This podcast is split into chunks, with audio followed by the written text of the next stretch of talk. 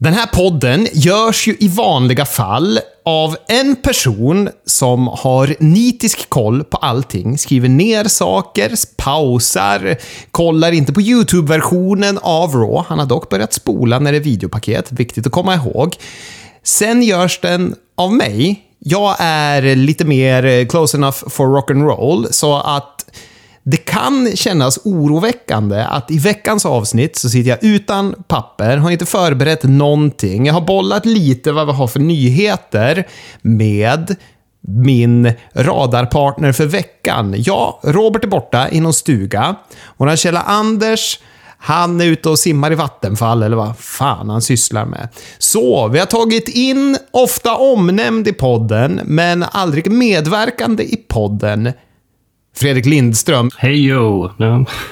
Hur man nu ska presentera sig. Tack så mycket. Hur ska man presentera dig? Jag, jag brukar ju tänka på dig som Impact-experten när det kommer till Sveriges wrestlingfolk. Skulle man kunna titulera dig som det lite? Uh, ja, det, det, skulle man nog kunna säga. Det är väl uh, ganska unikt. Det är väl inte så många i Sverige som kollar på Impact nu för tiden i alla fall, utan det var väl mer poppis för 15 år sedan kanske. Nu är det inte, nu är det kanske bara jag och någon enstaka till som gör det. Jag gav ju ett försök för två år sedan när det var det här Wrestling House. Och eh, Eh, ja, eh, sen har jag inte gett det så mycket, för man blir ju sugen att titta. Men, här kommer min följdfråga på det. Eh, hur mycket wrestling tittar du på i veckan? Eh, oj, det, det, beror lite på... Eh, det beror lite på, skulle jag säga, svaret är. Men Impact och eh, AWs program ser jag alltid varje vecka. Sen så kan det bli något ytterligare utöver det? WWE brukar inte se eh, veckoprogrammen eh, i sin helhet utan det brukar bli något, kanske YouTube-klipp eller någonting annat. Så jag brukar mer följa den genom att ja, läsa Sebbes recensioner eller lyssna på poddar som den här helt enkelt. Ja, just det. Vilket lyx! Slippa se och tragglar igenom vecka för vecka till pay-per-viewsen. Det kan man, man kan vara lite avundsjuk ibland på er som har det så gött. Ja, ja men någon måste ju göra den, den journalistiska uppoffringen som, som ni gör helt enkelt. Ja, det är skönt att Robert offrar sig lite mer. Eh, om vi ska kasta oss raskt vidare i mina frågor så undrar jag, vem inom dagens wrestling har du som du tycker är lite underskattad? Likt jag älskar Tony Nese och Serpentico. Har du någon sån? Någon hjärtebarn? Man får väl gå till Impact då, någon som kanske förtjänar ännu mer uppmärksamhet än vad den får och det är väl egentligen Josh Alexander som är mästare just nu då. Impact har jag haft både förra året och det här, det här året har han haft superbra då helt enkelt, men han får kanske inte den den uppmärksamheten som han förtjänar. Han har gått jättebra matcher. Likadant med kanske Mike Bailey som dök upp här också i Impact i höstas. Han, är också en, han har också gått supermatcher, men han får kanske inte den kärleken som han förtjänar. Men, men det kanske kommer. Men hans speedball, alltså Mike Bailey, han har varit i GCW mm. och så vidare, medan Josh Alexander är exklusiv Impact sedan flera år. Ja, Josh Alexander är väl eh, lite överallt. Jag vet inte om han har varit i GCW, men han är väl lite andra på indiescen också. Men, men eh, speedball Mike Bailey har ju varit lite överallt. Han hade ju problem, han har ju haft problem länge för att han hade ju någon slags jag vet inte om han har begått några något brott. Någonting. Han kunde inte resa in i USA där på fem år eller någonting. Så det var först förra året han kunde börja resa till USA. Där ser man. Då kommer ju nästa fråga då. Likt jag hatar Thunder Rosa, har du någon som liksom, du tycker är överskattad? Någon som går dig på nerverna, men som det verkar vara en konsensus att det är en bra brottare? Jag brukade säga RVD alltid annars innan, men, äh, men nu, alltså jag vet inte, jag, jag kan ha lite svårt med, med John Moxley ibland, skulle man säga då i så fall kanske. Han är ju oftast ganska älskad, men jag tycker att det kanske blir lite väl mycket av den här brutala wrestlingen som jag kanske inte är något superfan av. Så att, ja. Det, det kanske får säga Moxley så här på uppstuds. Bra uppstudssvar tycker jag. Men eh, med de frågorna avklarade så tycker jag vi kastar oss in i vad som bör vara en av veckans största grejer. Och det är väl Rick Flairs sista match och det nu utannonserade ja men, hela matchen om man så säger. Vem som är hans tagpartner och vilka två han ska möta. Skulle du kunna ge våra lyssnare en kort sammanfattning av det? Ja, det kommer ju bli så att det blir en taggmatch. Och det kommer ju då bli Rick tillsammans med svärsonen. Det blir inte Konrad, utan det blir Andrade Il Odlo då helt enkelt. Eh, mot Jeff Jarrett och Jay Lethal. Och sen kommer väl Karen Jarrett vara med där i hörnan på, på något sätt. Och det, här fick vi ju se när Jarrett och Jay Lethal slog Ric Flair blodig på någon parkering. Jag har ju inte kollat på de här dokumentärerna. Jag har ju sett att de har fladdrat förbi. Jag såg bland annat att du skrev att det blev bättre om man kollade på dokumentären och fick det hela i kontext. Så skulle du kunna dra kontexten för någon oinsatt som jag? Uh, ja, nej men... men uh, kontexten är väl lite grann att de har tränat ihop då eh, Jay Lethal och Ric Flair och sen så Eh, så, så var det väl på något sätt att det... Som jag har förstått det så har väl, vad heter det, Jay Lethal bönat och bett lite om att få i alla fall gå en match på något sätt på, på galan. Men Rick har aldrig haft någon match åt honom. Det lilla har jag sett i alla fall. Är det det de bygger på? I eh, den här dokumentären? Ja, ja, typ. Och sen så har de väl fortsatt lite här, fattar jag det som, i podcastform. Att det var någonting med att det var Rick Flair som fick Jay Lethal sparkad från Impact en gång i tiden också, för typ tio år sedan. Någonting sånt där. Mm -hmm, I see. Det är väl lite, lite, lite det de bygger på då, antar jag. Men det, det är ju ganska plastigt, känns det ju som. Men vad känner du då för brottarna i matchen? Om vi bortser från att det är ett pajigt upplägg och så vidare. Vad tycker du om de tre namnen som är med här i Ric Flairs sista dans? Ja, alltså Andrade, det borgar ju för att det blir en eh, bra match. Jag gissar att det är han och, och Jay Lethal som kommer vara mest in i ringen, kan man väl tänka. Det är väl det logiska i alla fall. Kan man hoppas. Ja, vi får verkligen hoppas att det är de som driver matchen. Och sen Ajef Hjert, ja det är ju... Ja, jag vet inte riktigt var han, eh, vad han gör där egentligen på något sätt. Men Eh, det, det, är väl lite, lite svårt att... Ja, jag, jag, vet inte riktigt vad han eh, gör, men det är väl kul att han är med där. The best. Du låter inte riktigt såld på att det är Jeff Jarrett. Jag, å andra sidan, är ju av den impopulära åsikten att The Last Outlaw är kung. Jag tycker det är jättehärligt att det är just Jeff Jarrett som stökar i en match som är ganska impopulär i sig, att Ric Flair ska gå en till match. Och att Jeff Jarrett lyckas, som han alltid gör, nagla sig fast på saker och få rida på andras berömmelse. Jag tycker det är härligt att folk stör sig säkert otroligt mycket på att det är Jeff Jarrett som är här och stökar. Så det gläder mig. Jag tycker att det tillför något till matchen. Lite hat. Folk kommer ju tycka illa om Jarrett på riktigt och det behövs. Ja, precis. Han har ju en förmåga att ta sig in i grejer. Vi kommer väl till det lite senare, senare också också. Sen vet jag inte riktigt vad, vad Karen eh, ska göra där, men jag antar att hon är, ska medverka i matchen. Kanske att sätta upp någon slags spot för att kanske Char Charlotte ska lägga sig i matchen. Hon ska i alla fall vara där och titta. Annars kan det ju vara så att de kanske använder Ricks andra dotter, eh, Konrads, för hon har ju helt glömt bort Megan heter hon va? Megan, ja precis ja. Ja, det är hon som har skickat mig min... Nu pekar jag bakom mig. Jag har precis filmat på vår Instagram. men Hon har skickat mig den här lilla mattbiten jag har. Hon var väldigt otrevlig när jag frågade varför den aldrig kom. Så att jag hatar ju Megan, likt jag hatar Thunder Rosa.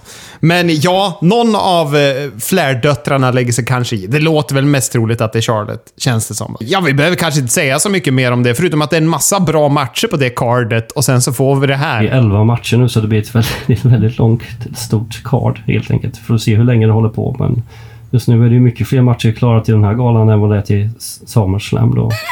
ja, sjukt. Och det är dessutom matcher som jag hellre ser, känner jag. Uh, ja, i stort sett. Ja, skulle jag hålla med om. Du har även eh, här när vi har, vi har ju som sagt försnackat vad det är för nyheter, så håll i hatten. Jag är lite förberedd. Jag sitter och scrollar i min Messenger-dialog eh, här medan vi pratar. Och eh, du har ju skrivit att Goldberg har kritat på eller han kanske inte har kritat på, han kanske fortfarande har kvar kontrakt. Är det så det är? Precis, han har avslöjat att han fortfarande står under WWE-kontrakt och att han sitter och väntar på att telefonen ska ringa. Men det kanske inte, det kanske inte är så många andra som väntar på att telefonen ska ringa till Goldberg, tror jag. Men är det då en match han har kvar, eller hur ser det ut med det? Jag tror inte han har sagt hur många matcher han har kvar, utan han har nog bara sagt de får väl i så fall, det kanske finns någon fast summa där om man ska gå med mer matcher eller någonting så att han kan inte, i alla fall inte fri att bara hoppa in i W eller dyka upp någon annanstans.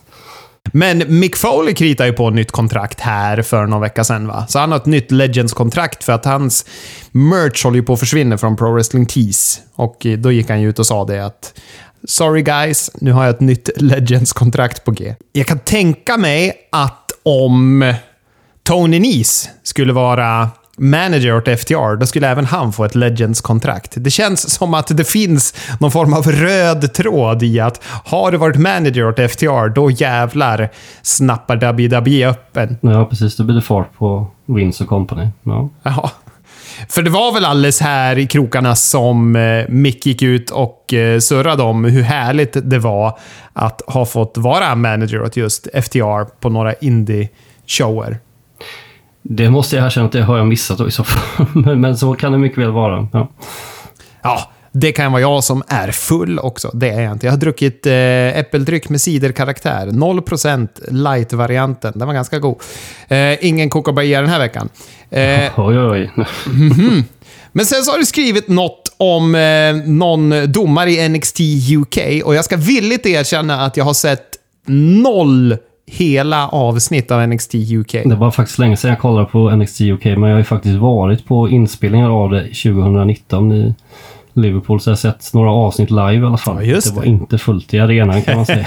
I och för sig då. Det har väl inte varit så här efter pandemin heller direkt. Det är ju ingen succé. Får se hur länge det finns kvar. Ja, det känns som att det är ett tåg som håller på att lämna stationen. Eller vad fan man ska använda för liknelse. Ja, med tanke på att de eh, vill spara så mycket pengar annars och att ja, det är inte riktigt... Ja, nu har de ju gjort om vanliga NXT heller så att, eh, så att det är 2,0 där så att jag vet inte riktigt vad... Det blir inte riktigt samma folk som det finns i NXT UK som de plockar in på sam. På Nej, verkligen inte. Verkligen inte. Men vad är det med den här domaren då, från NXT UK? Domare, hon heter väl Artemis, tror jag hon heter, eller hennes artistnamn var då helt enkelt. Hon skrev på då 2020 förbi domare. Och sen så, hon, och sen så lämnade hon här nu då i våras, i april tror jag det var. Hon gjorde sin sista taping eller någonting sånt där. Och nu har hon gått ut och pratat om varför, varför hon lämnade då. Och då säger hon, sa hon då att betalningen var det största problemet. Hon har aldrig tjänat så lite pengar som hon eh, gjorde nu i WWE. Hon, hon visste ju det på förhand då, även för det här skulle bli hennes heltidsjobb. Men hon, hon var ju lärare innan då, men så hon fick gå ner i lön från att vara lärare till att bli domare då i WWE och sen så har hon då under åren försökt kanske dryga ut lön och hon har frågat finns det några andra saker jag kan göra istället så jag kan förtjäna mer pengar. Men då har bara WWE sagt nej, nej det finns inte det. Och sen så har de hållit på att förhandla här under våren. Eh, och till slut så erbjöd de- väl någon slags förlängning på två år, någonting, men, men det skulle vara exakt samma lön. Så då sa hon tack och, tack och godnatt, helt enkelt och lämnade. Så att, ja, det var. Så att det, det, det är inte så välbetalt kanske som man kan tro i WWE. Men så har det väl i och för sig lite pratats om brottarna också, att de tjänar inte så jättemycket pengar heller på det här. Det, var en, det pratas kanske att man har kanske runt 100-120 000 kanske, eller någonting sånt där. På ett år eller någonting. De tjänar väl typ 40 papp i månaden, va? Tjänar de inte... Jag har för mig jag gick och gjorde lite överslagsräkning när jag lyssnade på William Regals podcast och fick det till att det blir typ 40 svenska i, i månaden.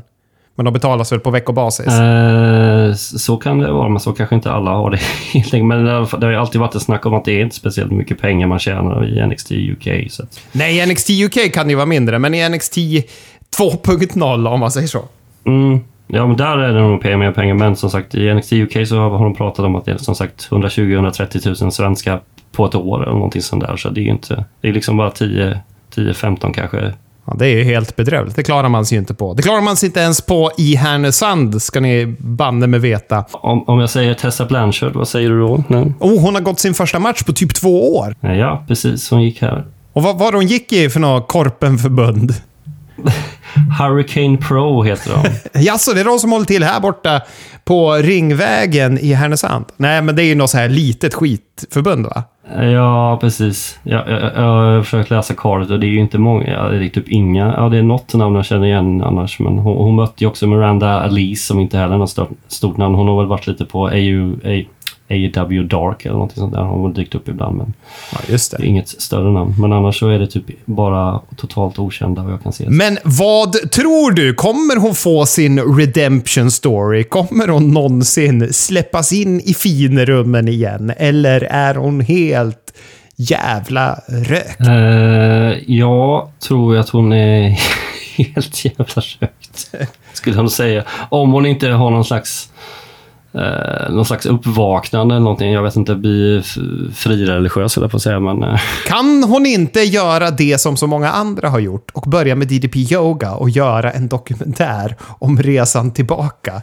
Det kanske är hennes enda sätt tillbaka in i finrummet. Hon, hon får liksom deka ner sig rejält, börja droga eller vad heter det, tappa formen helt och sen bara gå till DDP och sen så kan hon få sin redemption story. För just nu är hon väl rökt. Hon är väl i stort sett blackballad ifrån ja, men alla major-förbund. ja, precis. Och sen så verkar hon ju, fick hon ju ut sig själv från, eh, vad heter de, eh, Women of Wrestling då, Vow då också på, på något sätt. Det är väldigt stökigt. Så att hon verkar ju bli personen non grata var hon än rör sig. de flesta som är superdrivna kan vara rövar backstage. Det är inget snack om saken. Men det gäller ju att liksom vara en röv med stil, om man kan vara det. Absolut, ja precis. Nej, man, man måste ju vara lite tuff och stå upp sig först själv för att komma någonstans i wrestlingvärlden. Men, ja. Det- Som sagt, det gäller att sköta det lite snyggt i alla fall. Kanske inte uttrycka sig rasistiskt eller någonting annat. Så här, korkat. Ja, nej, det funkar bara för Hogan. Det är bara han som får komma tillbaka in i värmen då. Men en eh, röv som definitivt inte håller någon hög stil, det är Michael Elgin, den gamla Impact-brottaren. Har du hängt med i vad han har gjort borta i Japan? Eh, du får gärna upplysa mig Chris. Nu. Ja, men han eh, var ju enligt eh, ryktena först så hade han ju stulit proteinpulver och skulle blivit arresterad. Och sen så gick ju rykten om att han skulle bli deporterad och så vidare. Men sen gick han ut själv och eh, förnekade detta. Han hade banne mig inte stulit något proteinpulver och han hade inte blivit arresterad och han åkte hem till Kanada på eget bevåg. Så man vet ju inte vad som har hänt, men det känns som att man har fallit ganska långt när ryktena om att man stjäl proteinpulver börjar florera. Ja, vi har ju haft lite brottare annars som har varit ute i Japan och kanske haft problem med droger eller någonting annat. Men falla ner till protein, då kan man ju undra vad han har för ekonomisk status då överlag. Ja. Ja, men visst. Men har, har du koll på om han har eh, brottats i Japan nu då, senaste tiden? För jag har villigt ingen koll på honom. Det lät som att jag totalt undvek han med flit, så är det ju inte. Men jag har ju dålig koll på Japan. Det är ju mer Roberts gebit. Här tidigare i vår så stämde han ju Impact också för att, ja egentligen kan man säga att han stämde Impact för att han inte hade fått sparken men ja, om ska kalla det. Nej men han, han var ju sur för att han, han tyckte att han blev utmålad i den här speak out-rörelsen då, som att han hade fått sparken av Impact men han hade ju inte fått sparken men han tyckte att det blev utmålat så i wrestlingpressen. Samtidigt så hade ju Impact fortsatt att betala honom även om de hade sagt att ah, men vi kommer inte använda dig på TV men vi betalar ditt kontrakt fortsätter att betala ändå tills det löpte ut där. Och egentligen skulle det väl löpt ut i april men han lämnade väl in någon stämning tror jag i mars och då sa de väl, då, då släppte de honom direkt där då eller någonting sånt där. Och sen vet jag inte riktigt, han har väl brottats, han är ju, han har väl varit en del i Ja, i Noah heter det väl, ja, precis. Det är väl det. Han har brottats framförallt här under. Det var väl där han skulle brottats nu också. Det är väl det han... Så det är där han håller hus främst. Han verkar inte vara så poppis. Pop, poppis i USA, så han får inte så mycket bokningar. Nej, nej, det får han ju inte. Jag såg att Marty Skrull skulle bli bokad av... Vad fan heter han? Han med kobran. Santino Morello. Men eh, att det vart en massa ramaskri också. Apropå brottare som försöker hitta tillbaka. Gick sådär. Jag vet inte om det kardet fortfarande innehåller Marty Skrull. Och det skiter vi i. Jag tror att vi kastar oss rakt in i Rampage istället. Jag är ju som sagt lite close enough for rock'n'roll. Jag eh, utgår från att du är en man som har bättre anteckningar och ser vilka matcher som faktiskt var. Nej, men vi inledde ju med John Silver och Alex Reynolds där mot Malachi Black och Brody King. Exakt. En tagmatch där House of Black inte helt oväntat vann över Dark Order. Och sen så efter matchen så kommer ju Sting in och så stirrar han på Black ungefär sen då det hände ingenting, de bara stirrade på varandra. Ja, de gjorde ju det. Och vad heter det, jag såg ju det här Rampage när jag var på festival. Så att jag såg det på min mobil när folk satt runt omkring mig och drack morgonens första grogg. Så jag ska villigt erkänna... Det är mycket jag gör villigt i det här avsnittet, men jag ska villigt erkänna att jag inte har sett på det så himla superfokuserat. Jag fick hela tiden sitta och försvara och förklara vad wrestling är. Och det här var ju folk som inte har sett wrestling sen jag tvingade dem att se det runt 98 kanske. Och där dyker Sting upp igen, Ja, som, som de såg för alla dessa år sedan. Så att bara, det har inte hänt någonting på alla de här åren. Det är samma sak, fick jag höra. Men eh, nästa match var ju definitivt inte det man såg 98. Då fick vi ju Gresham, va? Mot Lee Moriarty. Mm, precis, det stämmer. Ja. Titelmatch där om ROH-bältet. Ja. Hur ställer du dig till det? Att man sätter Ring of Honor-bältet på spel, inte som första match, inte som main event, utan det är liksom mitt på cardet på B-showen. Om vi får kalla Rampage för B-showen. Vad tycker du det gör med bältet och status? Jag tycker inte att det lyfter bältet direkt och sen har vi ju andra ROH-titlar som står på spel på AEW Dark också ibland. Så att, eh, ja. Alltså det är lite svårt, alltså det känns svårt, det känns inte som eh, Tony Khan riktigt har bestämt sig vad, vad han ska göra med ROH och vilken po, liksom position han ska ställa det mot AEW för att eh, det känns lite som, han känns lite vilse. vad, vill han med ROH egentligen? Ska det vara ett farmaförbund på något sätt eller ska det vara ett samarbetsförbund eller ja? Ja, det är jättesvårt att säga faktiskt. Nu har vi fått att Briscoes är signade exklusivt för Ring of Honor också. För det vart ju klart här idag, tror jag. Vi spelar ju in på en torsdag. Ja, Eh, precis. Och, och det ju känns ju... Det känns som att... De har ju bestämt sig för att det ska vara ett separat roster med folk som är exklusiva för det. Men sen då? Eftersom det är som du säger, det händer ju saker på Dark och i den här eh, sfären av wrestling som inte så många ser och följer. Så det är väldigt svårt att veta vad tusan han vill. Men den här matchen, vad tyckte du om den då? Två tekniska killar som slängs in om titeln. Ja, jag tyckte den var eh, väldigt bra. Jag är ju ett stort fan av Gresham, Gresham även hans fru också, Jordan Grace, som är mästare Impact just nu ja, på damsidan. Men, men Gresham är fantastisk och ja, jag tror ju inte att han kommer tillhöra kanske ROH så jättelänge, utan jag tror att han kanske flyttas över till AW vad det lider. Du tror det? Vad tror... För här... Här vi- kan ju säga att Gresham vinner efter en bra match och efter matchen så kliver ju Claudio Castagnoli ut på rampen. Jag för mig klev ut på rampen, va? Visst gjorde han det? Mm, precis. Ja, och utmanar väl Gresham för titeln. Eller står han bara och tittar på han? Hur som helst så ska vi få en match mellan de här två på Death before Dishonor. Och vad tror du i den matchen? Vem kliver därifrån med världsmästarbältet? Är det Claudio? Eller är det den världens mest muskulösa och längsta dvärg, Jonathan Gresham? Det var en fin beskrivning av Gresham. Nej, jag tror faktiskt, jag, jag, tror, jag tror Claudio tar titeln faktiskt. Det känns som att man kanske kommer sätta honom som mästaren här i ROH på något sätt. Så, och så försöker man bygga runt, lite runt det kanske. Det är ju svårt, för vill man göra det, för då måste man ju på något sätt få honom fokuserad på Ring of Honor. Samtidigt som jag tycker Gresham är ju... Han är så bra som Ring of Honor-mästare, men det är svårt att se Claudio förlora också den här matchen. När Claudio kommer in liksom så Eh, het och eh, obesegrad i AEW och så vidare. Så jag tycker att den är lite svår faktiskt. Jag skulle helst se att Gresham behåller titeln. Ja, alltså, ja, om jag får välja så får Gresham gärna behålla mig. Men jag tror mer på Claudio i så fall. Sen vet jag inte, alltså det, det beror också på har, har liksom Tony Khan någon tv-deal på gång eller någonting för ROH eller vad de nu ska Då kanske man då kanske man går ännu mer kanske att Claudio i så fall så man har ett större, större namn. Då. Absolut. Men just, men just nu har det ju inte, om inte han har avslöjat någonting här på den här press, pressen som man har just nu då i så fall. Men Hur som helst, bra match mellan Gresham och... Vad heter han nu då? Lee Moriarty. Sen så, fick, ja, precis. sen så fick vi... Jag tycker det känns lite tröttsamt när Christopher Daniels kommer in och muckar. Eller? Är han inte lite... Har inte han, har inte han retirat? Jo, det har han väl egentligen. Men sen så dök han, han har ju bland annat varit lite med på Impact och sånt här också istället så här efter det. Så att det, det är väl i och för sig kanske mer okej när det inte är AEW då i så fall. Aha, har han varit med på Impact alltså? Okej, då vart det... Ja, det var lite, lite tidigare. Han har väl även gjort något på New Japan Strong också tror jag. Jaha, ja, men då är han lite förlåten. Men han kom ju in i alla fall och... Eh, ja, surrar med Jay Lethal och... Vad heter? Satnam och CM Dutt. Eh, behöver kanske inte säga så mycket mer om det. Sen så hade vi en uppvisningsmatch med Athena och Statlander mot de här Renegades-tvillingarna. Ja, det är inte så mycket att säga. Nej, den var ju väldigt kort. Den var väl en halv minut eller någonting. Så. Ja, ja, exakt. Och sen så blir det lite stök.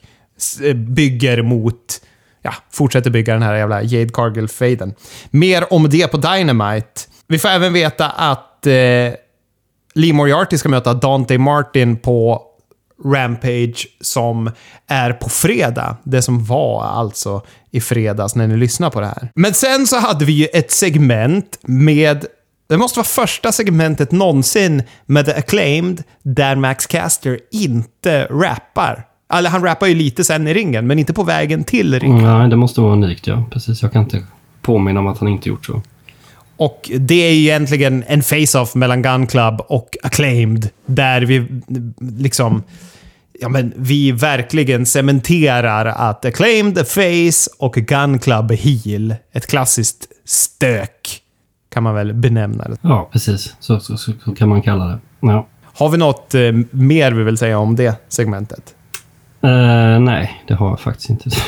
Utan kan hoppa till main eventet som var Lucha Brothers mot Private Party. Ja. Så jag tycker det var en eh, ja, ganska, ganska rolig match helt enkelt. Ja. vad tycker du? Ja, jag tycker den var bra. Alltså, det är svårt att inte vara underhållen när det är de här två teamen i en match så här. Alltså, det blir ju bra. Den känns ju lite så här utan stakes, eller vad man ska säga. Men jag tycker att det var en snabb och... Ja, men alltså... Man vet vad man får för sorts match när man hör att det ska vara Private Party mot Lucha Brothers. Den levererade väl vare sig mer eller mindre än vad man förväntade sig. En bra och eh, härlig match att avsluta Rampage med. Absolut, det var ett perfekt litet main event. Dynamite börjar med Darby Allen mot Brody King i en köttig jävla match, tyckte jag det här var. Mm, ja, det var en brutal match. Han blir... Ja, det, det, är ju, det är ju något speciellt att se de här David mot Goliat-matcherna med, med Darby. Så det, jag tyckte det var väldigt... Ja, det var nog nästan bästa, bästa matchen på hela showen, tror jag. Ja. Ja, den var riktigt bra. Jag är väldigt glad över att från att ha på något sätt fumlat hela Brody Kings eh, inledning i AEW. Jag tycker att han gick slarviga och tråkiga matcher i början till att de helt plötsligt har kommit på hur de ska använda honom. Och Darby är ju perfekt för att lyfta upp ett monster. De har ju på några få veckor nu gjort Brody King till ett, ja, men ett trovärdigt monster, vilket han inte var tidigare. Från början kändes det som att det var ett sådär Vince McMahon-projekt. Att vi vill att ni ska tycka han är ett monster, men vi vet inte riktigt hur vi ska lyckas få er att tycka det. Men vi vill det. Men till att de nu faktiskt har lyckats. Mm, ja, precis. Sen är det nästan som att... Jag vet inte, Brody King nästan kanske har större status än vad Malakai Black har. Han framstår ju nästan som större och bättre. Det hände ju lite grejer efter den här matchen. Vi ska väl säga att Brody King vann, för visst gjorde han väl det? Japp, det gjorde han med en Ganso-bomb. Oj, just det! Den såg ut som att han dog när han gjorde den. Och det lät på Taz som att Taz inte tyckte den kändes helt safe heller. Jag tyckte mig se att Darby Allen satte upp sina händer också för att skydda sig. Alldeles vid impacten på den här, ja men, vad fan ska man säga? Street Fighter Pile Drivern han gör. Han gör ju lite som Sangief i Street Fighter 2. Han gör ju någon sån här jävla, typ som Brian Cage brukar göra. hoppa med folk och grejer. Den ser brutal ut i alla fall. Men efter matchen så kom ju först Sting in och eh, blir attackerad av Malakai och Brody King. Men sen så kom ju även Miro in med solbrillor ögonlapp under solbrillorna. Eh, det, det tänkte jag nog inte på, men, men det, det kanske var så. Men... För att han hade ju någon form av pilotbrillor med gult eller ja, vad fan säger man? Sunburstat glas. Det heter sunburst på gitarrer när det är de där jävla färgerna i alla fall. Eh, och hans vänstra öga, då såg det ut som att han hade svart glas. Och när de zoomade in, då såg det ut som att han hade tejp och, och liksom eh, grejer över det ögat. Så betyder det här att han kommer göra en Julia Hart och gå med i House of Black? Eller kommer han vara face i den här fejden? Vad tror vi där? Det var en eh, svår fråga. Jag tror att han kommer fortsätta vara face kanske. Eller kommer vara face i den här fejden i alla fall. Sen har de ju hållit på lite grann och teasar fortfarande här Lana eller CJ Perry att de ja, ska jag dyka upp här snart i AW. Hon fortsätter i alla fall teasa om det i sina sociala medier. Jaha, det ser man. Det har jag inte hängt med på, för i promosarna här då är ju om han ska spöa the pagans eller joina the pagans. Det är väl hela Miro-upplägget nu. Det känns som att han är lite som Jericho var när Jericho fejdade mot Goldberg. Att Miro, han står och kör promos om saker som händer, men att ingen riktigt bryr sig igen. Han liksom han leker vid sidan om alla. Alla andra barnen sitter i sandlådan och leker medan Miro står bredvid och cuttar promos på dem om och om igen. Men det händer inget. Det är han är lite förvirrad tycker jag. Ja, det har väl inte blivit supersuccé kanske, kanske man inte ska kalla det om det har blivit bättre i, i men han har ju kanske, kanske inte nått riktigt samma höjd som han ändå hade i VV en gång, en gång i tiden. Det känns som att han kanske behöver lite hjälp med creative på något vis. Han behöver en, en riktig story. De behöver göra något med honom, känner jag. Nästa match, då har vi ju en tag team-match som jag tycker hade ganska bra känsla ändå. Det är Best Friends som möter Blackpool Combat Club och då bestående av Wheeler Utah och John Moxley. Och här har vi ju storyn att Wheeler Utah var ju en del av Best Friends med Trent Beretta gillade aldrig Wheeler Utah. Och jag tycker att de gjorde det väldigt bra i den här matchen. Det var som att John Moxley blev en biroll i matchen medan de andra tre förde storyn framåt. Men jag gillade den här matchen. Vad säger du? Ja, nej, men jag tyckte också det var en, eh, en trev, trevlig, trevlig match. Jag brukar inte vara kanske något eh, superfan av, eh, av Superfriends här, men, eh, eller Best Friends, men jag tycker ändå de fick, fick till det bra. Jag tycker att de eh, hade bra utbyten, Trent och eh, Utah. Jag tycker att det var mm, kul att se. Inte helt oväntat så vinner ju Blackpool Combat Club. Nästa segment då? Vad tyckte du om det? Då har vi väl det här lilla WWE-segmentet när vi ska fira att ett tag team har blivit nya mästare i Swerve in Our Glory. Ja, herregud. Ja, precis. Och det fanns lite bubbel och någon slags någon form av tårta som jag inte riktigt vet. Den här tårtan såg inte ut som den kanske skulle varit någon succé ens på ett barnkalas ungefär. Den såg ganska fattig och dålig ut. Men vi vet ju alla att tårtorna är bara till för att den ska hamna i ansiktet på, på någon. Och som så skedde även här. Ja, man kommer aldrig glömma när Luther försökte vara målsökande missil på Negative Ones tårta. Det är ett av mina favorittårt moments, om man tillåts ha sådana inom wrestlingen. Nej men det här var ju ett segment som var skapat för att få visa upp att AEW känner banne mig kändisar. Det var någon rappare som hette Kevin någonting, kanske? Ja, ja jag har ingen aning. Jag kan ingen rapartist överhuvudtaget, så att... Jag... Jo då. Du kan Snoop Dogg, du kan Busta Rhymes som har varit med på Raw någon gång. Du kan Run DMC. Ja, Okej okay då, men sådana som var poppis för 20 år sedan kan jag då. Men, men jag, jag, kan liksom inte vilka som är dagens stjärnor kanske på det sättet. Nej, eh, inte jag heller. Här sitter vi och är inte så jävla hipp. Hur som helst så kommer ju...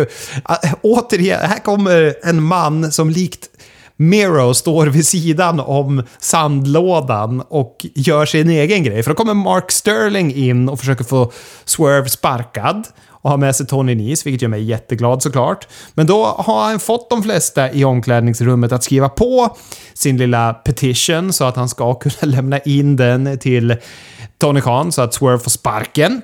Men han vill att den här rapparen, som jag och Fredrik inte har koll på vad han heter, eh, ska skriva på. För det, det vore ju det som får kamelens rygg att gå sönder, eller vad man säger på engelska. Men det vill ju inte den här äh, rapparen, utan istället så nitar han Tony Nis med ett väldigt stift slag rakt på käken och sen tårta i ansiktet på Mark Sterling. Men nog fan slog han Tony Nis hårt va? Eh, ja, det såg så ut. Men det, det är väl svårt att slå. Det är väl lättare att försöka uh, få till ett slag på ett bra sätt. Oftast blir det kanske om man tar i för mycket då i så fall. För att det ska se bra ut. Så. Ja, jag är, jag är glad över slaget. Det känns som att de har sagt åt han håll inte tillbaka och det gjorde han inte. Snyggt av dig, rappare, vem du nu än var. Eh, lite fånigt stök backstage med Dark Order och Hangman. Det blir tag team match på Rampage. Det behöver vi inte riktigt prata om. Sen hade vi en konstig... Vi hade en match med Christian och Luchasaurus när de mötte Varsity Blondes. Matchen behöver vi inte prata om. Jag stör mig på Brian Pillman Jr. Men sen kommer Jungle Boy tillbaka. Sin stor pop. Publiken sjunger med i, vad heter det, i hans låt likt de aldrig gjort förr. Men här turnar ju Luchasaurus återigen och aktar på sig när han först står i vägen för Jungle Boy. Och Jungle Boy får jaga Christian Cage genom publiken till sin themesång, vilket är lite komiskt. För den är inte så dramatisk och farlig, den här 80-talsdängan. När de springer genom publiken. Men är det här sista gången Luchasaurus turnar? Eller kommer han turna igen? Åh oh, gud, nej jag hoppas inte Jag tycker, jag tycker det var konstigt att han turnade från början. Jag, tycker, jag tror att han är bäst att hålla sig på face, som face helt enkelt. Jag tror att han riskerar att försvinna annars bara om man är heel. Att folk glömmer bort. Jag tror att han har mer... Hans speciella connection med publiken tror jag funkar bättre som face. Så att jag tror inte han kommer turna mer. Tror vi att han kommer hitta någon ny tag team partner kanske? För det känns ju som att de vill pusha Jungle Boy som singelbrottare. Och vi kommer väl få Christian mot Jungle Boy. Ja, jag gissar väl på all out. Men vi kan ju få den innan. De brukar ju kunna damma av såna här matcher på vanliga veckoshower ibland också, AEW. Men det känns ju inte som att Luchasaurus ska hålla sig som singelbrottare, så att de borde kanske rota fram någon åt honom. Eh, det, det, kan ju vara en uh, idé, ja precis. Nej, han kan inte funka som singelbrottare. Han, han får hitta någon ny lekkamrat. Han kanske kan tagga ibland med Jungle Boy då, men kanske hitta någon, någon tredje där i stallet igen. men ja. Vad eh, tror du är all out vi har den här matchen? Christian Cage mot Jungle Boy, eller tror du de blåser av den innan? Ja, det är ju inte jättelångt kvar till all out. Det är ju bara lite, ja, det är drygt en månad. Ja, jag tror att de håller på den till dess faktiskt. Ja. Jag tror också det. Jag hoppas på det och jag tror att det kan bli en kanonmatch faktiskt. Jag tror... Eh, ja, man får hoppas att Christian blir lite av en kingmaker där och eh, bygger Jungle Boy. Sen du, hade vi en snubbe som inte var grym på micken och det är Cole Carter. Han var lite nervös när han skulle köra promo inför sin match mot Ricky Starks om det här jävla FTW-bältet. Som tydligen då Ricky Starks har haft längst av alla i hela världen. Vad har du på Cole Carter? Du som har koll på Impact och allt som inte jag ser på. Finns han i de världarna eller är han en dark kille? Vem är den här Cole Carter? Jag har aldrig hört talas om den här, om den här snubben, snubben innan. Han har väl varit lite på NXT. 2.0 har man varit lite. Men... Jaså, där ser man. Ja, jag har ganska, ingen ganska aning. Nyligen så gick han lite matcher där. Ja. Jaha. Vad heter det? I ringen var han väl helt okej okay ändå? Men på micken var han ju bedrövlig. Ja, nej, det var, det var ingen höjdare. Det kan jag inte påstå. Men vad tyckte vi här då? Det var ju, eh, såklart så vinner ju Ricky Starks eh, denna match om FTW-bältet. Men eh, får han tummen upp eller, Cole Carter? Kan man säga så att han får gärna en chans till i alla fall kanske? Ja. det, det, det duger. Det duger bra.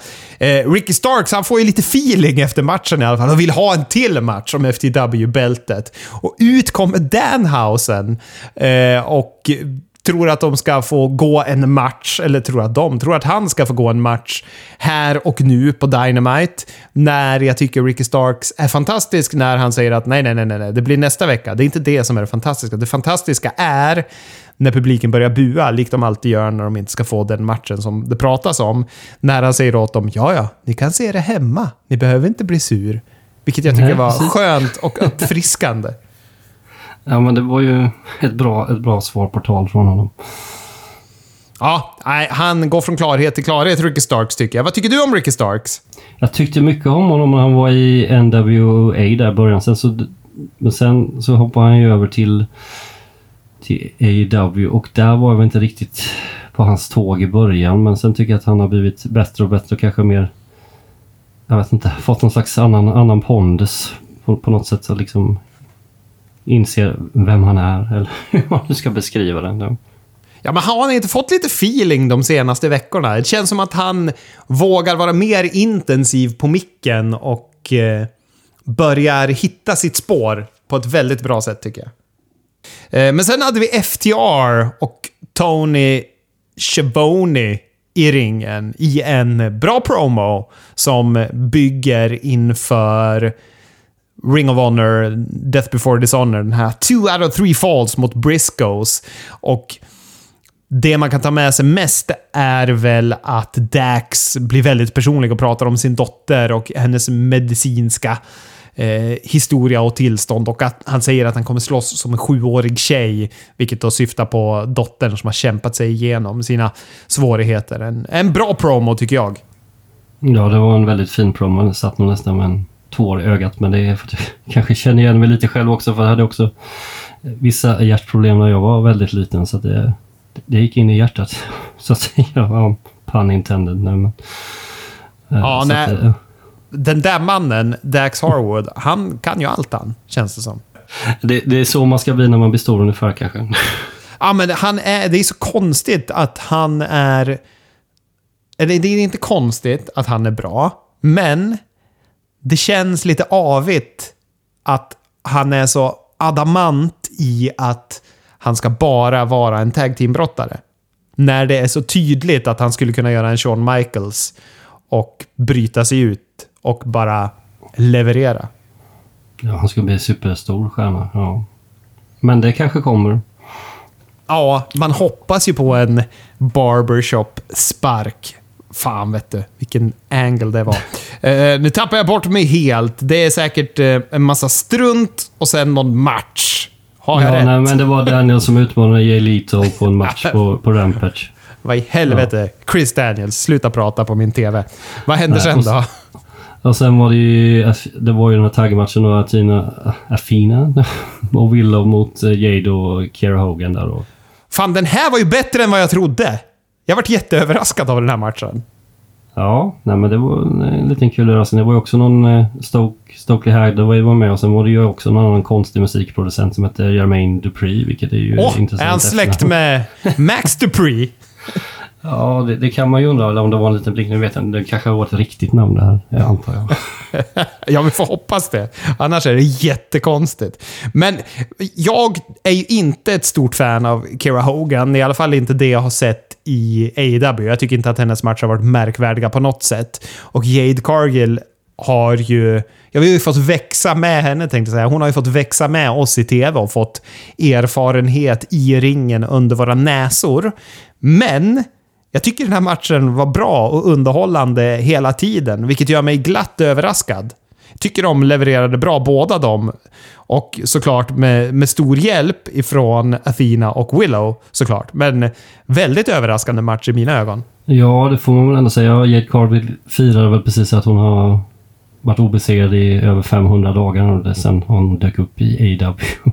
Kira Hogan är ju lite speciellt. Hon var ju ett tag team med Tasha, Tasha Steels i Impact. Och där var de väl eh, helt okej, okay, men sen när de bröt upp då Kira Hogan rörde sig till AEW så har ju Tasha Steels varit mästare bland annat i Impact.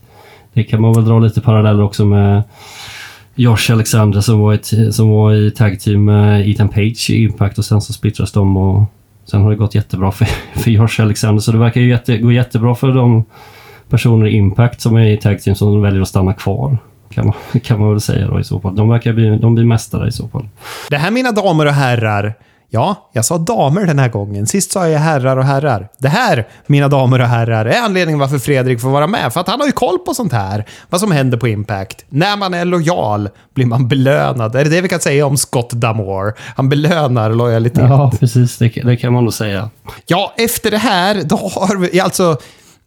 Ni som har lyssnat på podden ett tag har kanske koll på att jag försöker lära mig japanska. Och jag kan typ säga att jag inte är ett förskolebarn. Nu har jag börjat lära mig att säga att jag kan äta sju, att jag kan äta sju ägg och det finns två äpplen på bordet och så vidare.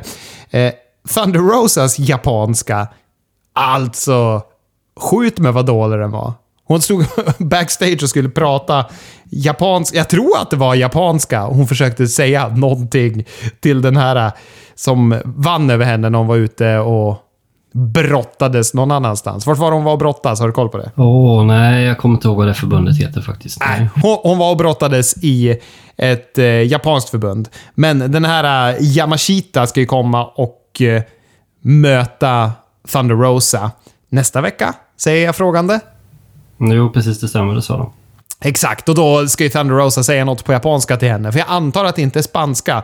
Jag kan lite spanska också. Jag förstod ingenting av vad hon sa. Jag hörde mass på slutet som man avslutar japanska meningar med. Ja, ja, skitsamma. Det var dåligt, det var dåligt på japanska av Thunder Rosa. Det blev nästan sämre när det var på engelska. Hon är fan bedrövlig på promos. Vilket Britt Baker kommer in och förstärker när hon säger hur jävla dålig Thunder Rosa är på promos. Ja, och det är kanske inte så smart kanske att peka ut det. Så att folk kanske märker det ännu mer om de inte redan har gjort det.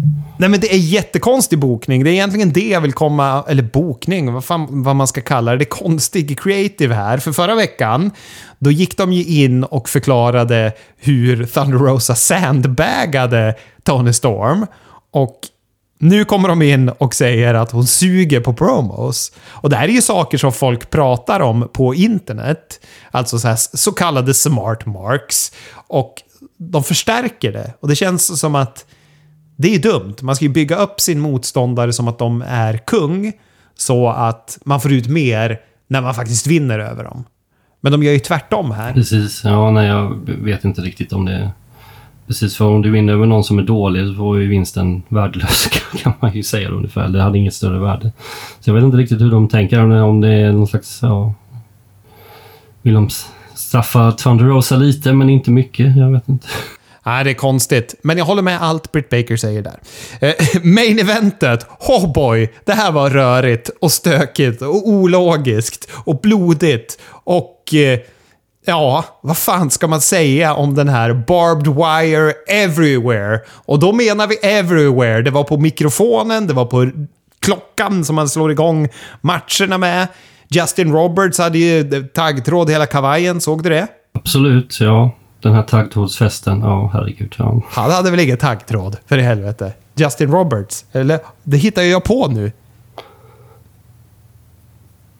Ja, du hittar på det. Ja, så kanske det var. Ja, jag, jag hängde inte med. Han hade ju det på mikrofonen som han höll i. Men, Exakt, ja. det hade han. Nej, men vad säger vi om den här matchen? Alltså, jag, jag tycker ju inte att det var någon eh, underhållande match. Jag tycker också utgången var eh, konstig också, så jag vet inte. Jag har egentligen inte något positivt att säga om den här matchen överhuvudtaget. vad heter det? Det man kan säga då. JAS var upphissad i en hajbur, för i Shark Week. Då måste man ju alltid ha något Shark-tema. Så fungerar det i Amerika när det är TV. Eh, så JAS hängde i en bur. Det var inte hela JAS, vi kommer komma tillbaka till det. Men det var ju 2.0, Jake Hager och Daniel Garcia. De hängde i en hajbur. Ruby Soho satt av någon anledning vid kravallstaketet. Fick man någon förklaring till det? Somnade jag när det skedde? Att man fick en förklaring? Nej, alltså hon, nej, det var ju bara att hon satt med den här nyckeln till buren och sen den här kontrollen till hissa upp och ner buren. Jag somnade när hon fick, fick ansvar över det. Så intresserad var jag av det här. Men matchen håller på. Det är en klassisk stökig barbed wire-match. Det är väl inte så mycket att säga om det. Om än kanske lite slarvigare än vanligt. Mitt i matchen så kommer Ty Conti ner och börjar attackera Ruby Soho som då tydligen har fått eh, mandat att ha den här dosan och nyckeln medan jag slumrade till. Och börjar attackera Ruby Soho. Och är det då även Anna Jay kommer och hjälper till? När är det Anna Jay kommer? Ja, vi, vi tror ju precis det då. Vi tror att hon ska hjälpa Ruby, men det gör hon ju inte. Nej, utan hon ger sig på istället. Och blir då. Ja, vilket är lite stökigt. För är hon med i JAS eller är hon bara där för att bli heal? Ingen vet. Hur som helst. Det får de vi ta- se.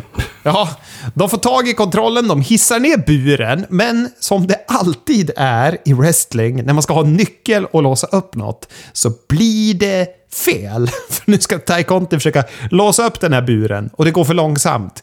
Så de två smalaste medlemmarna av JAS, nej, de tre smalaste medlemmarna av JAS. Nej, det måste vara två. Jag blandar ihop det. De två smalaste medlemmarna av JAS som sitter i buren, det vill säga Angelo Parker och Daniel Garcia, de tar sig ut mellan gallret på hajburen och börjar springa in i ringen och attackera Eddie Kingston medan Tai Conti står och fipplar med den där nyckeln. Efter ett litet tag kommer även Jake Hager och Summertime Matt ut ur buren och eh, det blir attack på Eddie Kingston. Sen kommer räddningen. Ja, ja, det blir mer stök. Då kommer en massa facebrottare.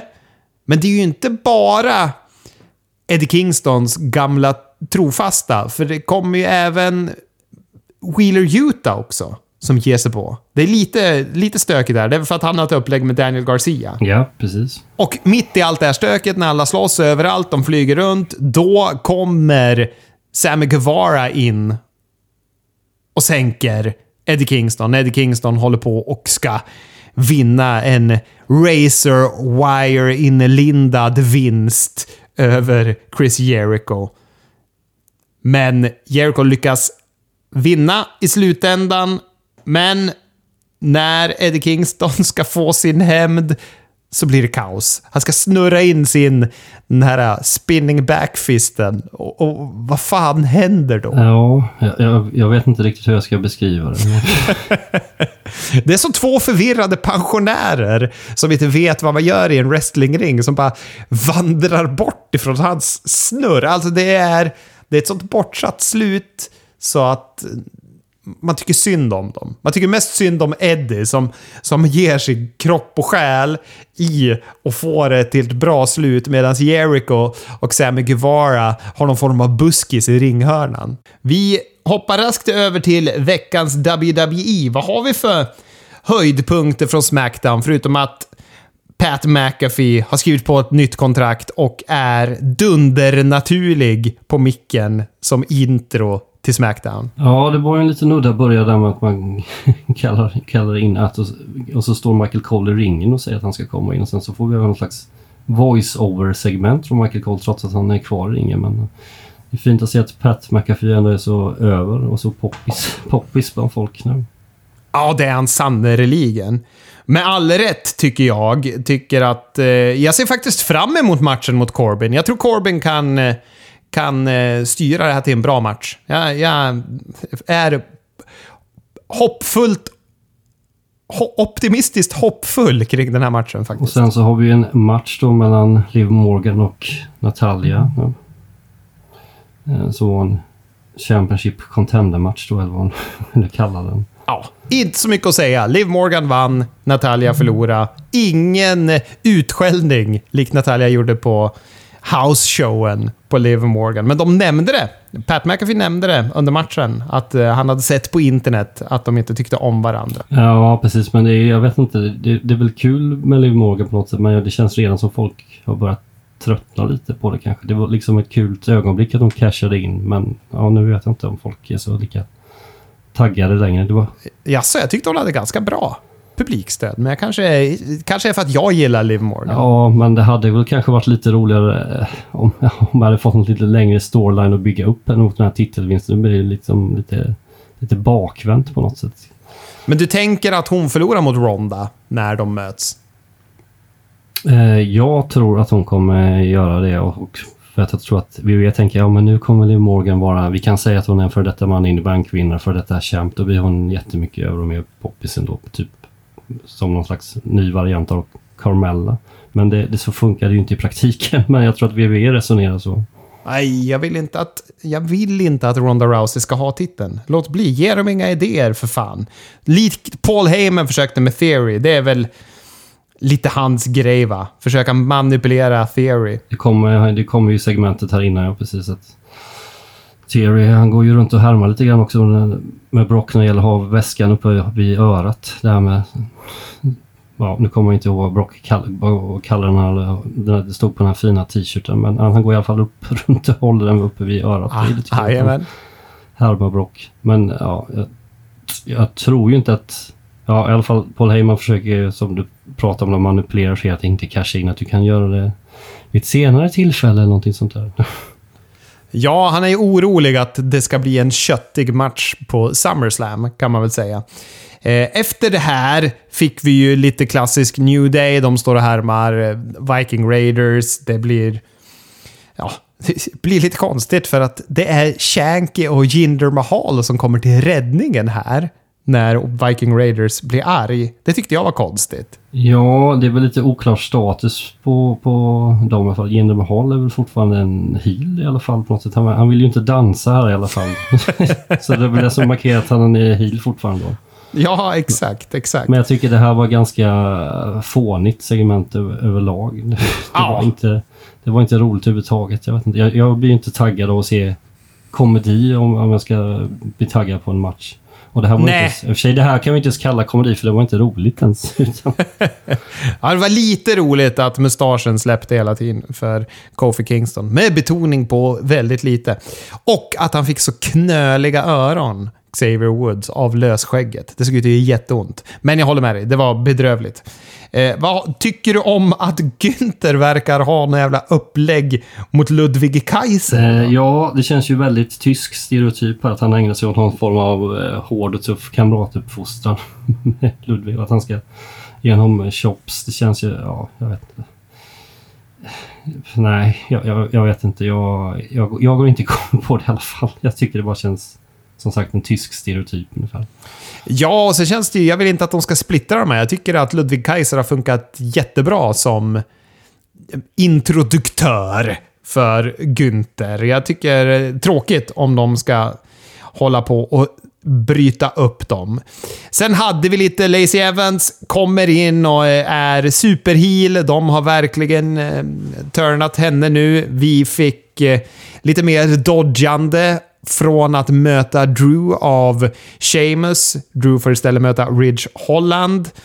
Eh, som Drew såklart vinner. Eh, Heyman försöker mucka lite med Madcap Moss, försöker få honom... Eh, ja, han försöker peppa honom och vad heter det, vinna över Theory. Heyman vill att Moss ska sänka Theory så att han inte kan casha in den där jävla väskan. Men ja, annars fick vi en match mellan Theory och Moss. Och eh, den slutar på ett... Har varit klassiskt, men känns som att det var ganska länge sedan de höll på att stöka med DQs hela tiden. Men det blir en DQ-vinst i alla fall till Madcap Moss för Theory. Är det Theory som sänker honom med väskan? Eller? Ja, han sänker honom med väskan, precis. Ja, och sen precis. så kommer Sami Zayn in med, med ena hand med armen i bandage och vill ha en ursäkt av Fear för att Fear har sagt att han ska tänka sig upp. Casha in väskan då mot Roman. Ja, ja just det. Eh, och sen, sen så... Ner, och sen slår Moss ner Theory. Ja. ja, just det. Ja. Så vi har upplägg mellan Moss och Theory som Moss inte kommer gå vinnande ur, helt enkelt. Sen har vi main eventet. Dawkins mot Jimmy Uso. Vad tyckte du om denna? Det var en match. Den var ju inte så lång heller den här matchen. den, den Nej. Hade, den mer syfte var ju mer en angle än vad det var en match. Kan man väl kalla det i så fall. Ja, och det är väl för att... Eh, visst blir det väl en miss av domaren? Och då kommer Adam Pearce ut och säger att nu jävlar, vi ska ha en en gästdomare på SummerSlam. Och vad är det för gästdomare vi får då? Ja, det är ju Jeff Jarrett. Varför är det Jeff Jarrett? Varför ja, det, är det han? Det, ja, det är ju många som undrar det. Det är väl för att det, det enda anledningen är väl för att de är i Nashville då. Men, och han har ju historia där. Men det är liksom inget, ja, det är, ju inte så att publiken kommer rusa till att köpa biljetter bara på grund av Jeff Jarrett. Så jag vet inte.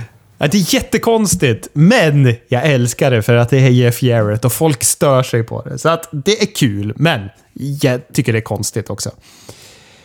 Raw.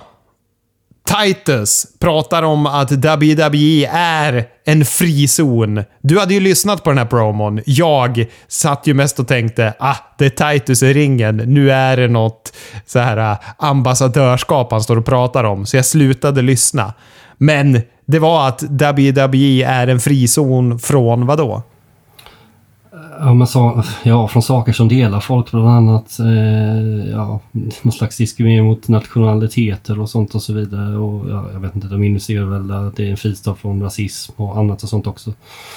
Sånt som man kan se i Wrestling Storylines på eh, WWE Network annars, vad vi gjort innan. Det var, alltså, det var ju ett jätte en jättekonstig promo kan man. Alltså, alltså, det är ju synd om Titus O'Neill som måste stå och hålla det här. Alltså, han är ju jättefin och duktig med... med ja, gud ja. Med, Titus O'Neill. All kärlek till honom. Men det kändes som att de har ju... Han, han liksom, han är... Vad man kallar nöd nödgrejen som man ringer när man måste verkligen ta i med hårdhandskar. Som när han fick hosta WrestleMania där med Hulk Hogan ungefär. Och nu är det liksom, ja, okej, vi kan inte ha Vince där ute längre. Han kan inte stå och prata. Så då måste vi kalla in Titus, han får prata istället. Man undrar ju lite grann om det är...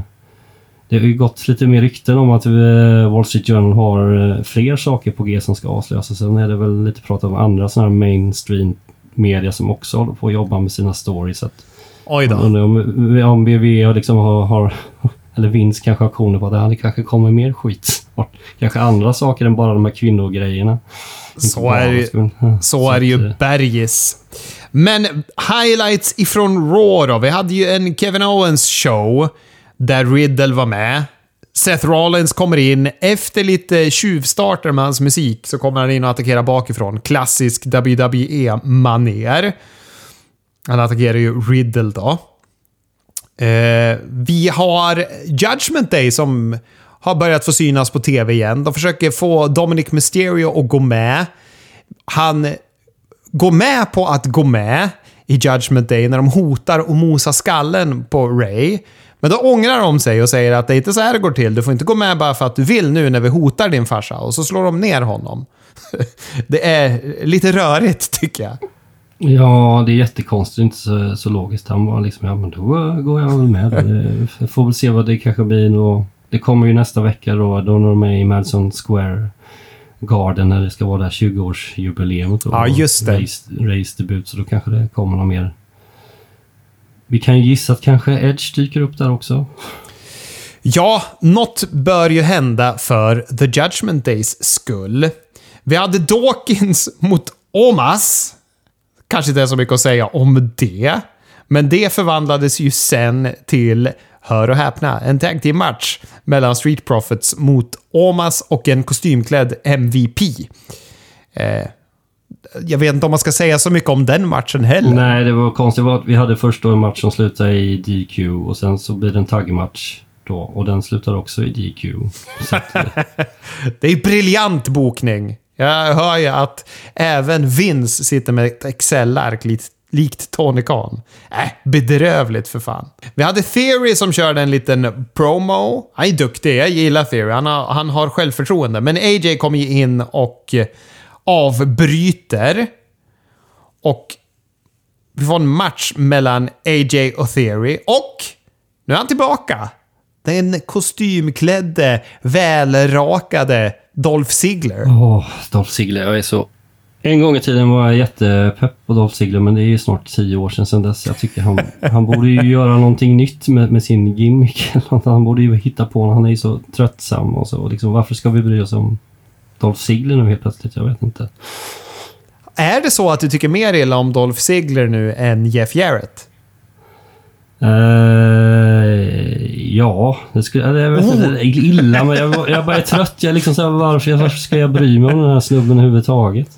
Nej, men det är det ingen som vet. hans trovärdighet har de ju dödat. Det är synd om stackaren. Så mycket talang, så lite trovärdighet kvar. Men han har i alla fall kostym och är renrakad. Uh, ja, AJ vann matchen på countout har jag för mig. Ja, det är fantastiskt de kunde hitta på ett annat slut. ja, vad heter det? Ziggler lägger sig i, såklart. Sparkar ner Theory.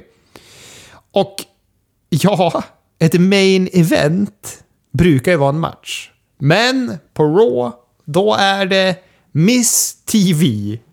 Men med Logan Paul som gäst. Vad tyckte du om Logan Pauls leverans här? Jag tycker han ändå sköter sig ganska bra, men eh, eh, alltså... Han kanske ska... Alltså det är så konstigt, han bokas ju som face, men han beter ju inte sig så faceigt liksom. När han liksom kommer in ser det ut som att han bara liksom dissar folk som gör high five och så vidare, men... Jag vet inte om han har någon, han har, han har någon idé i sitt eget huvud att han ska vara en face. Men, men han, han, är ju naturlig så att... Jag, jag vet inte riktigt. Det blir jättekonstigt. Ja, det är så otroligt konstigt. Det är ju...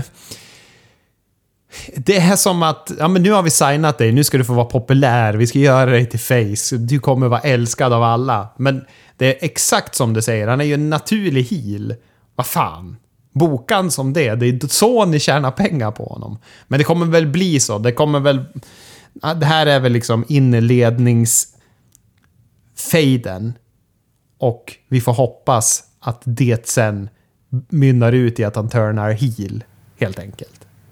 Det hoppas jag verkligen. Det är det rätta om de vill, om de vill tjäna pengar med honom. För jag antar att han inte är billig i drift.